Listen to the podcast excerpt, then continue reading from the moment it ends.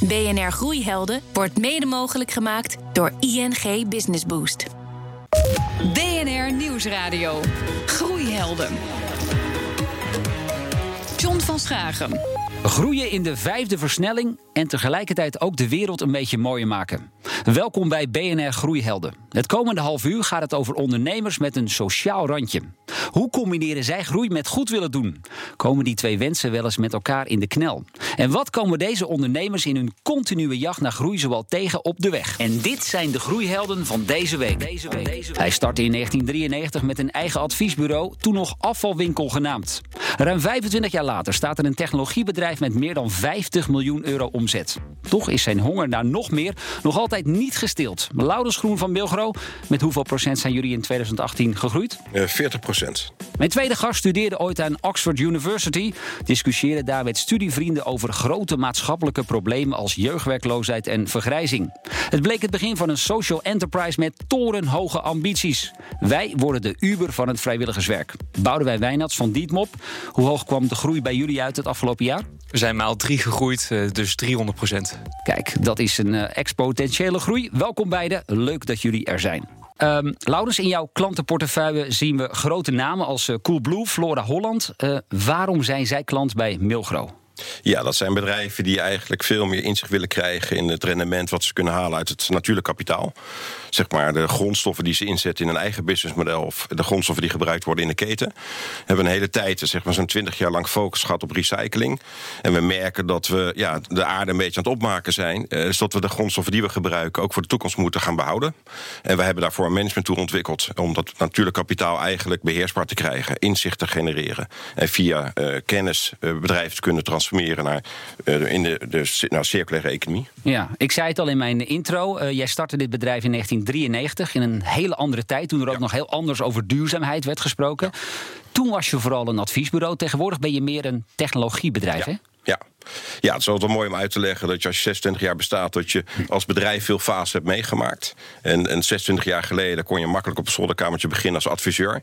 Ik zeg wel we leggen wel eens uit, dan krijg je maanden tijd om je prestaties te genereren, te realiseren. En vandaag de dag, als je nu een contract sluit, heb je gisteren al eigenlijk de bewijslast moeten voeren dat je succesvol bent. En dat kan je eigenlijk alleen maar als je technologie voor je gaat laten werken. Dus we zijn echt getransformeerd van een kennisbedrijf naar een technologieorganisatie. Waarin databesturing onze kerncompetentie is geworden. Ja, en dat gaat lekker. 50 miljoen omzet, uh, zei ik zojuist al. 100 mensen aan het werk. Um, wij naar jou. Het idee voor Dietmop um, ontstond in Engeland. Tijdens jouw studententijd daar aan Oxford. Um, hoe ging dat precies? Nou, we zagen eigenlijk wat Laurens ook als trend aangaf, wat 26 jaar geleden ook al begon. Dat mensen steeds meer iets voor die maatschappij willen betekenen. Niet alleen mensen zelf, maar of ze nou bij een bedrijf werken, goed doel, overheidsinstellingen. Steeds meer zien verschillende mensen dat wij iets met elkaar moeten oplossen om die samenleving beter te maken. Alleen we zagen daar gewoon een heel groot vacuüm dat mensen echt iets voor die maatschappij willen betekenen, maar het moet wel uitkomen in tijd. Het moet gebaseerd zijn op hun talenten en het moet ook impact driven zijn. Nou, dat zijn combineren op een platform, een online platform waarbij mensen stimuleren om vrijwilligerswerk te doen. En daar koppelen wij goede doelen aan, aan toe, bedrijven, universiteiten enzovoort. Um, dat zie je dat de tractie, waar Laurens het ook al eerder over had, eh, dat zie je daar heel erg. Dat grote bedrijven, we hebben klanten als eh, Red Bull, KLM, eh, H&M, waar zij hun medewerkers willen inzetten om die maatschappij mooier te maken. Ja, en hoe moet ik me dat destijds voorstellen? Want zat jij echt letterlijk met een aantal vrienden in de kroeg te ja, filosoferen over het bedrijf dat jullie later groot zouden gaan maken? Nou, ja en nee. Eén, de gesprekken die wij zelf onderling hadden, maar tegelijkertijd waar ook veel nieuwsberichten om ons heen. En je kan er ook niet omheen lopen. Dus het feit dat heel veel mensen onzeker zijn over hun toekomst en hoe die samenleving eruit ziet, daar hoef je geen hogere wiskunde voor gestudeerd te hebben om dat om je heen te zien. Dus ja, wij proberen daar een, een, een van de oplossingen voor te zijn. En samen met bedrijven, wat, wat Laurens ook vertegenwoordigt, proberen deze hele samenleving duurzamer te maken. Ja, je noemde net ehm, Red Bull als klant. Um, waarom hebben ze jullie nodig? Ik bedoel, zij zouden toch ook gewoon Stichting Doe een Wens zelf kunnen bellen en zeggen: hey, volgende week vrijdag komen we met een hele afdeling bij jullie langs. Ja, goede vraag. Um, aantal redenen. Eén, wij hebben een grote community. Dus wij hebben een kleine 65.000 actieve users op ons platform. Die allerlei verschillende doelgroepen uh, vertegenwoordigen. En we hebben heel veel, een kleine meer dan duizendtal goede doelen op ons platform. die ja, hun hulp vragen bij ons platform zetten. Bedrijven hebben vaak geen zin en tijd om al die goede doelen individueel op te bellen. Maar daarnaast is het ook voor hen veel interessanter om een onderdeel te mogen zijn van die community of van onze map. Dus oftewel, bedrijven kunnen niet alleen goed doen via vrijwilligers op het platform. Nee, ze kunnen ook studenten ontmoeten als een HR-tool. Ze kunnen ook nieuwe campagnes zelf proberen te testen erop. Ja. En echt een onderdeel zijn van die community. En dan zit jouw verdienmodel, neem ik aan, bij die bedrijven. Ja, wij zijn een sociale onderneming. Dus goede doelen betalen nergens voor. Vrijwilligers uiteraard niet. Dus we betalen voor het bedrijfsleven om goed te kunnen doen, maar vooral om een impact te meten. Maar ook overheidsinstellingen die ook eh, graag willen dat hun werknemers, maar ook burgers eh, steeds meer vrijwilligerswerk gaan doen. Ja, en nou hoor ik jou net zeggen, wij groeien uh, met 300% per jaar. Dat is gigantisch. Um, aan de ene kant verdien je dus geld, hè, je laat je omzet groeien. Aan de andere kant heb je ook een soort hoger doel. Ja. Uh, knellen die ambities wel eens? Nee, totaal niet. Want hoe meer impact wij maken, ook hoe meer wij verdienen. We hebben bewust gekeken hoe wij een ethisch verdienmodel hebben. Dus zoals ik al aangaf, goede doelen betalen nergens voor. En wat heel raar is, deze vraag krijgen denk ik heel veel sociale ondernemingen en ook verder. Dat heel raar is dat als jij bijvoorbeeld een Shell bent en de planeet verder verwoest, dan is het prima dat jij geld verdient. Maar als jij concreet problemen in onze samenleving oplost, dan zou je daar geen geld aan mogen verdienen. Dat is eigenlijk een heel raar model. Ja, Laurens, een ethisch verdienmodel hoor ik hier aan deze eh, hoe is dat bij Milgro? Um, een beetje wel vergelijkbaar. Ja? Um, wij hebben het voordeel dat wij dus levensduur van grondstoffen kunnen verlengen. En als je dus die uh, levensduur kan verlengen, dan kan je eigenlijk ook meer waarde uithalen. Zowel financieel als ecologisch. En het is eigenlijk ook wel, wel goed om daar meer bij stil te staan. Maar wij kunnen als Milgro zien dat zo'n vijf, zes jaar geleden het kantelpunt was dat je ook met duurzaam winstgevendheid mag nastreven. daarvoor was toch altijd, als je kan vanuit de milieukant, uh, ja, dan moet je een beetje de, de, de, de geitwolle sokken aan en dan hoor je eigenlijk geen rekening te sturen, want dat is sociaal. Dat is voor de samenleving. En het grote bedrijfsleven mocht doorgaan verder met zeg maar, de aarde uitknijpen en het verder plat slaan. En dat heb jij de afgelopen zeven, acht jaar echt radicaal zien omslaan? Ja, ja, radicaal uh, de top. Top 5 van het bedrijfsleven, die staan al helemaal achter. Ik bedoel, een voorbeeld is voor toch ook Tesla. Die heeft laten zien van jongens, wij zijn uiteindelijk een duurzame organisatie... die die transitie in de energiewereld op gang willen brengen... en willen ook gewoon kaartgeld verdienen. En op het moment dat zij ook kwamen met een betere auto, en het moet wel beter zijn, zie je ook dat die duurzame winstgevendheid eigenlijk uh, ja, standaard is geworden, of basis is geworden. Ja, en zeg je dan bijvoorbeeld bij het, het, doen van nieuwe investeringen dan ook van, ja, als het niet bijdraagt aan, aan nog meer duurzaamheid, dan doen we het niet? Ja, het is bij ons altijd earth en earn together dus we weten dat we winstgevend moeten zijn. Je moet de economie kunnen ontwikkelen. Maar we moeten ook realiseren dat natuurlijk kapitaal een plek moet krijgen. zeg maar 100 jaar geleden werd het menselijk kapitaal, dus HR, eh, personeelsmanagement geïntegreerd in het bedrijfsleven. Wij zeggen het is nu ook tijd dat het natuurlijk kapitaal geïntegreerd gaat worden. Als dat ook beter voor je gaat renderen, voor je bedrijf en voor de samenleving, ja, ben je winstgevend op een duurzame manier. Ja, en, in hoeverre. Ja, dan vraag ik me wel af, in hoeverre ben jij dan ook een soort evangelist? Hè? En, en in hoeverre probeer je jouw klanten ook echt mee te krijgen in die ambitie om uh, ja, die wereld een beetje mooi te maken. Vragen ze jou ook om advies of geef je dat ongevraagd? Nou, ik zeg, uh, eerste 20 jaar was ik een redelijke uh, evangelist. Vond ik te veel podium en er werd te weinig verdiend. Ik heb wel die 25 jaar altijd geld verdiend, maar te weinig. En de afgelopen jaren neemt dat wat meer toe. Want uiteindelijk moet daarmee, zeg je dus ook, het systeem voor je gaan werken. En het is ook de bewijsvoering die je hebt naar je opdrachtgever. Dat je laat zien dat ze winstgevender gaan worden met een duurzame bedrijfsvoering. Dus het zit ook de kern van onze propositie. Ja, eh, Boudewijn, hoe is dat bij jullie? Ehm, ben jij, voel jij jezelf nog een evangelist? Of zijn er toch wel steeds meer bedrijven die als vanzelf de telefoon pakken en, uh, en die moppellen? Mm, nou, een tegendeel. Ik denk, uh, ik ben 27. Nou, toen Laurens 126 jaar geleden. Toen was dat zeker zo. Maar nu, ik denk, ik ben een voorbeeld van mijn generatie waar het vanzelfsprekend is dat je dat goed doet. ik zou er eerder voor pleiten dat elk bedrijf zou een sociaal onderneming moeten zijn. Hè? Dat elk groot bedrijf, wat er ook nu al bestaat, heeft gewoon een verantwoordelijkheid naar die maatschappij. En ik uh, denk wat Laurens ook heel goed aangaf. Uh, vroeger was het wellicht, als je in deze duurzaamheidshoek zat, uh, een beetje een soort van geitenwolle sokken hippie gebeuren. Maar als je tegenwoordig hier niet in gelooft, dan is er echt iets mis met je.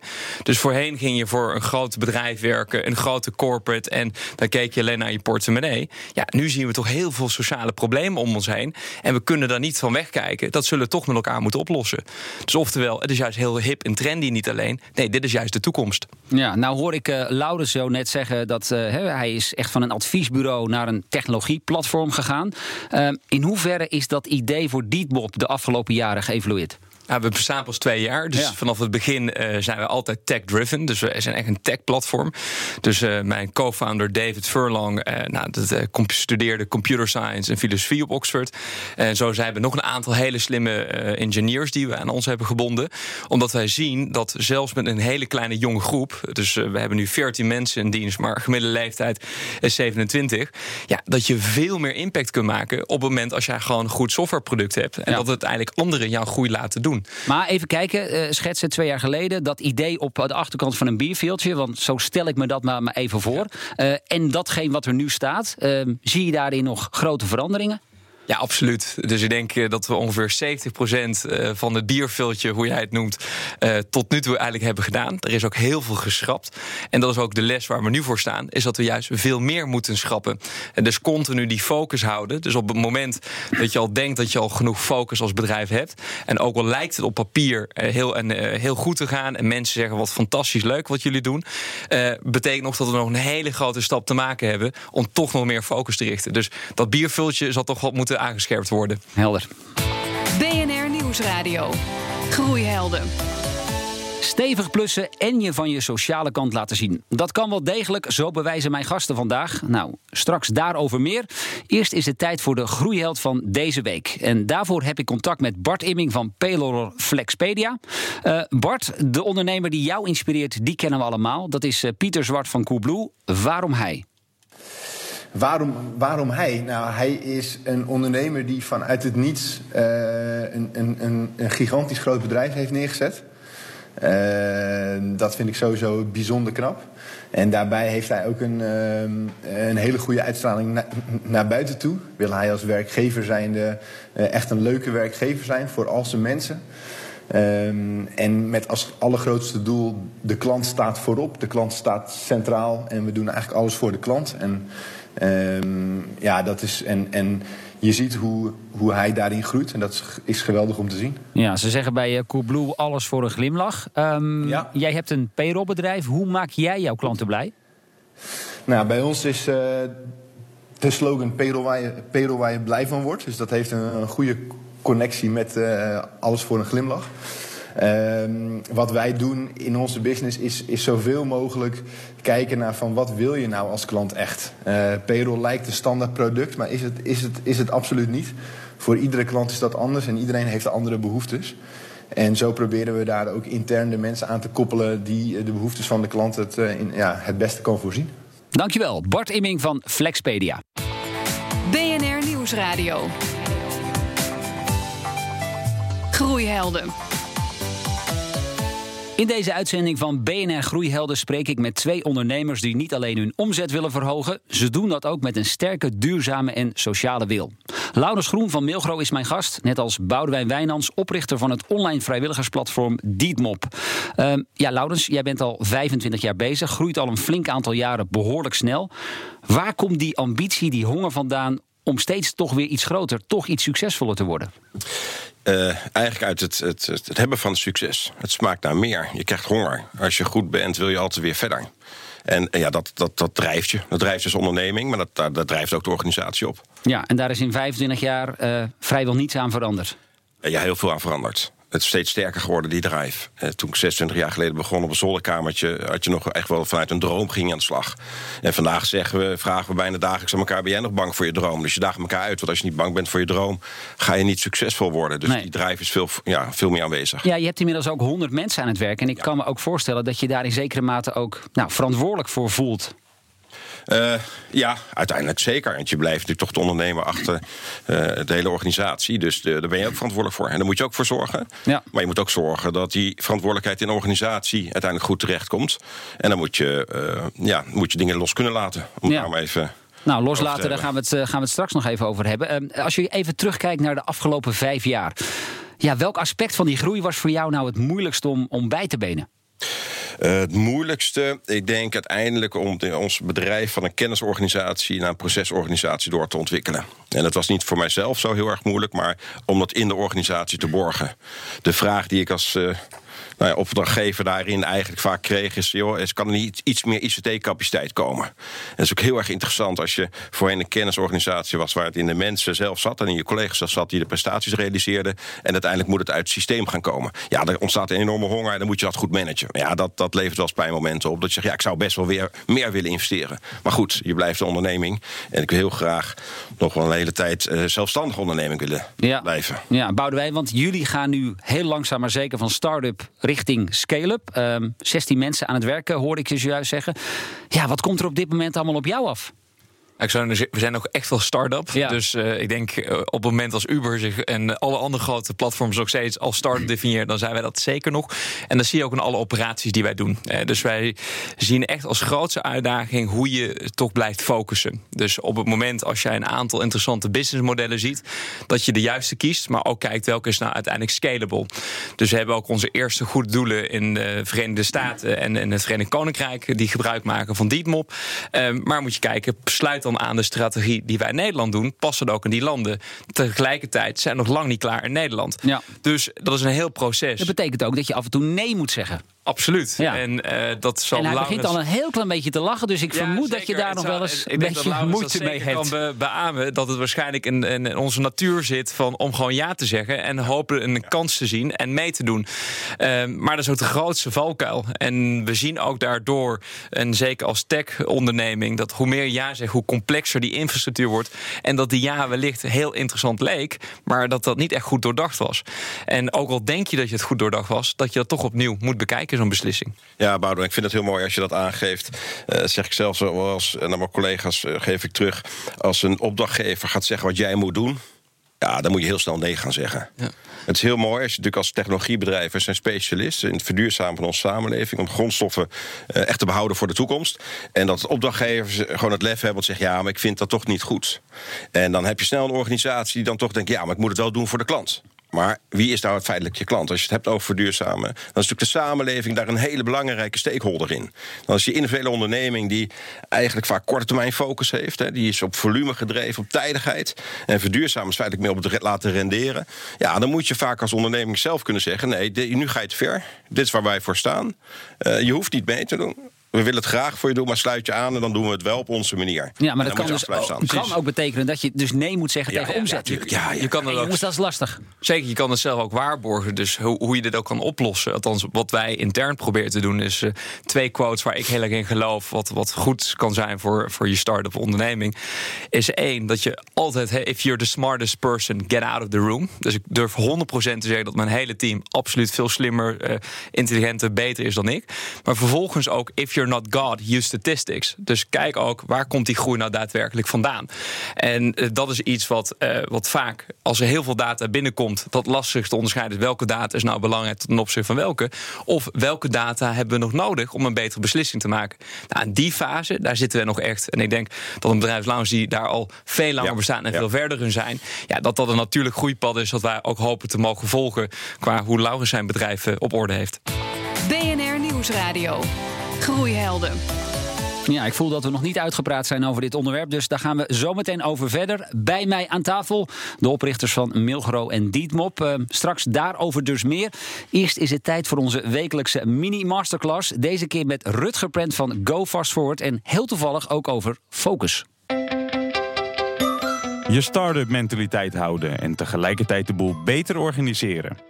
Het is de lastige fase waarin veel groeibedrijven een keer terechtkomen. De verbindende factor daarin is eigenlijk om het juiste leadership aan je bedrijf te verbinden.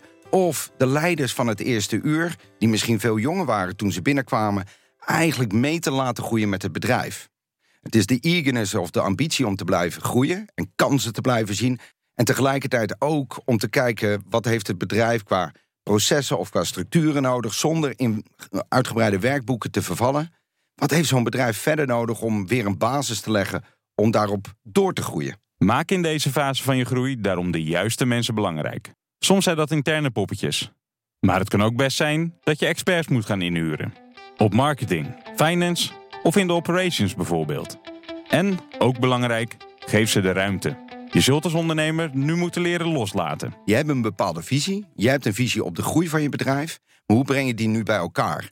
Nou, ik kan niet genoeg benadrukken dat je ervoor moet zorgen dat je ook voldoende van die experts spreekt van tevoren. Dat je een goed beeld hebt van wat jij zelf als ondernemer wilt realiseren met het inhuren van zo'n uh, expert of een topper. En dat je daar heel duidelijk bent over uh, met elkaar. En het belangrijkste daarvan is denk ik dat die topprofessional... die wil ruimte hebben om zijn of haar ding te kunnen doen. Dus je moet echt dingen kunnen loslaten en je moet afstappen van het managen op een manier zoals je dat voorheen deed... wanneer mensen ja, minder ervaring hadden en jij eigenlijk gewoon de slimste man of vrouw in de ruimte was. Richting geven dus. En dan loslaten. Je hoorde Rutger Prent van Go Fast Forward in een bijdrage van Wesley Schouwenaar. Ik praat verder met Boudewijn Wijnands van Dietmop en Laurens Groen, de oprichter van Milgro. Uh, ja, loslaten hebben we het zojuist al even over gehad. Rutger Prent die stipt het hier aan, maar Laurens is dus wel echt heel belangrijk om ook je bedrijf naar de volgende fase te brengen. Uh, absoluut. Maar het is niet alleen loslaten. Het is uiteindelijk het belangrijkste daarbij is een goed dashboard hebben. Want je moet ook weer weten als ondernemer wanneer we dingen naar je toe haalt. Je moet mensen vrij hebben, ze moeten ontwikkelen, ze moeten groeien. Maar het kan ook wel op een gegeven moment zijn dat je zegt nu even weer terughalen om ze weer een volgende fase in te loodsen. Ja, nu zit Boudewijn in een fase in, de, eh, zeg maar een fase in de groei van zijn bedrijf... dat hij waarschijnlijk ook nog heel veel dingen zelf doet... en van alles op de hoogte is. Jij had ook ooit dat moment en toen moest jij dat leren loslaten... en ja, managers gaan aanstellen, mensen die dat voor jou gingen doen. Ja, Marketing, finance. Welke tips wil je Boudewijn meegeven? Ja, behoud inzicht zorg dat er goed dashboard op is of zit. En, en zorg uiteindelijk dat vanuit een visie altijd ontwikkeld wordt. Het gaat niet om het product, het gaat om de visie. En, en als je daarmee uh, in balans weet te komen vanuit de prestatie gegenereerd wordt, kan je het eigenlijk verder ja, gaan voeden. Dat is wel mijn advies. Ja, wij al mee bezig?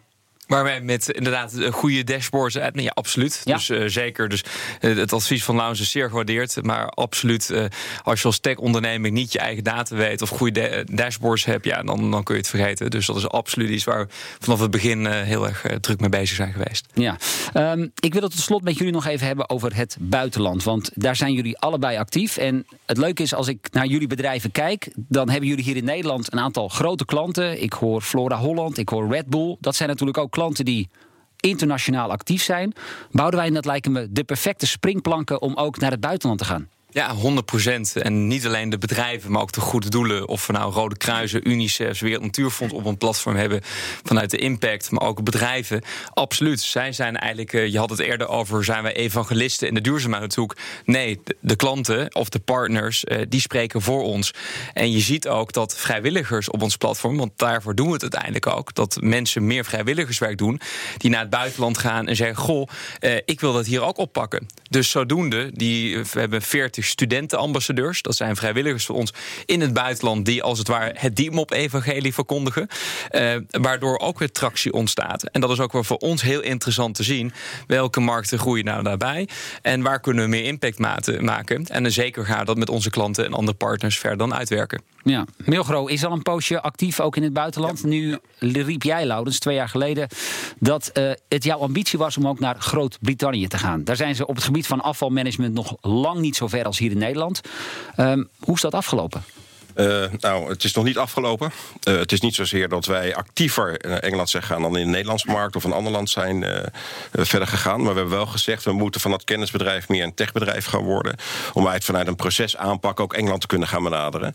En een van die markten die waar wij heel sterk in zijn, is circulariteit binnen de automobielbranche. Nou, Tesla is onze partner voor 18 landen binnen Europa en enkele daarbuiten. En dat doen we ook heel sterk bijvoorbeeld in Engeland om die onderhoud van die mobiliteit eigenlijk op circulaire wijze in te vullen. Maar je hebt eigenlijk gezegd de afgelopen jaren uh, meer focus om die omslag te maken in plaats van. Ja, meer aan je eigen bedrijf werken dan aan je markt. We hebben echt gezien dat onze aanpak straks uh, plug-and-play gaat worden voor ontdoeners. Wij zijn een verbinder tussen de ontdoener en de ontvanger. En daarmee ja, moet je echt, moesten we echt wel eerst aan onszelf weer gaan werken om ook die scalable die we uh, gaan, ja, willen zijn, uh, te kunnen gaan realiseren. Ja, Boudewijn, wat wordt het eerstvolgende land dat jullie gaan aandoen? Ik denk dat we het Verenigde Staten Toch en uh, UK, zeker ook vanwege ons netwerk daar, maar ook wat er gebeurt uh, qua impact, dat dat ook gewoon heel hard gaat. Uh, en ook dat zien we waar onze gebruikers ook naartoe willen gaan. maar voordat we meteen alleen daarmee groei bezig zijn, is het natuurlijk eerst dat we gewoon heel groot en sterk in Nederland willen zijn.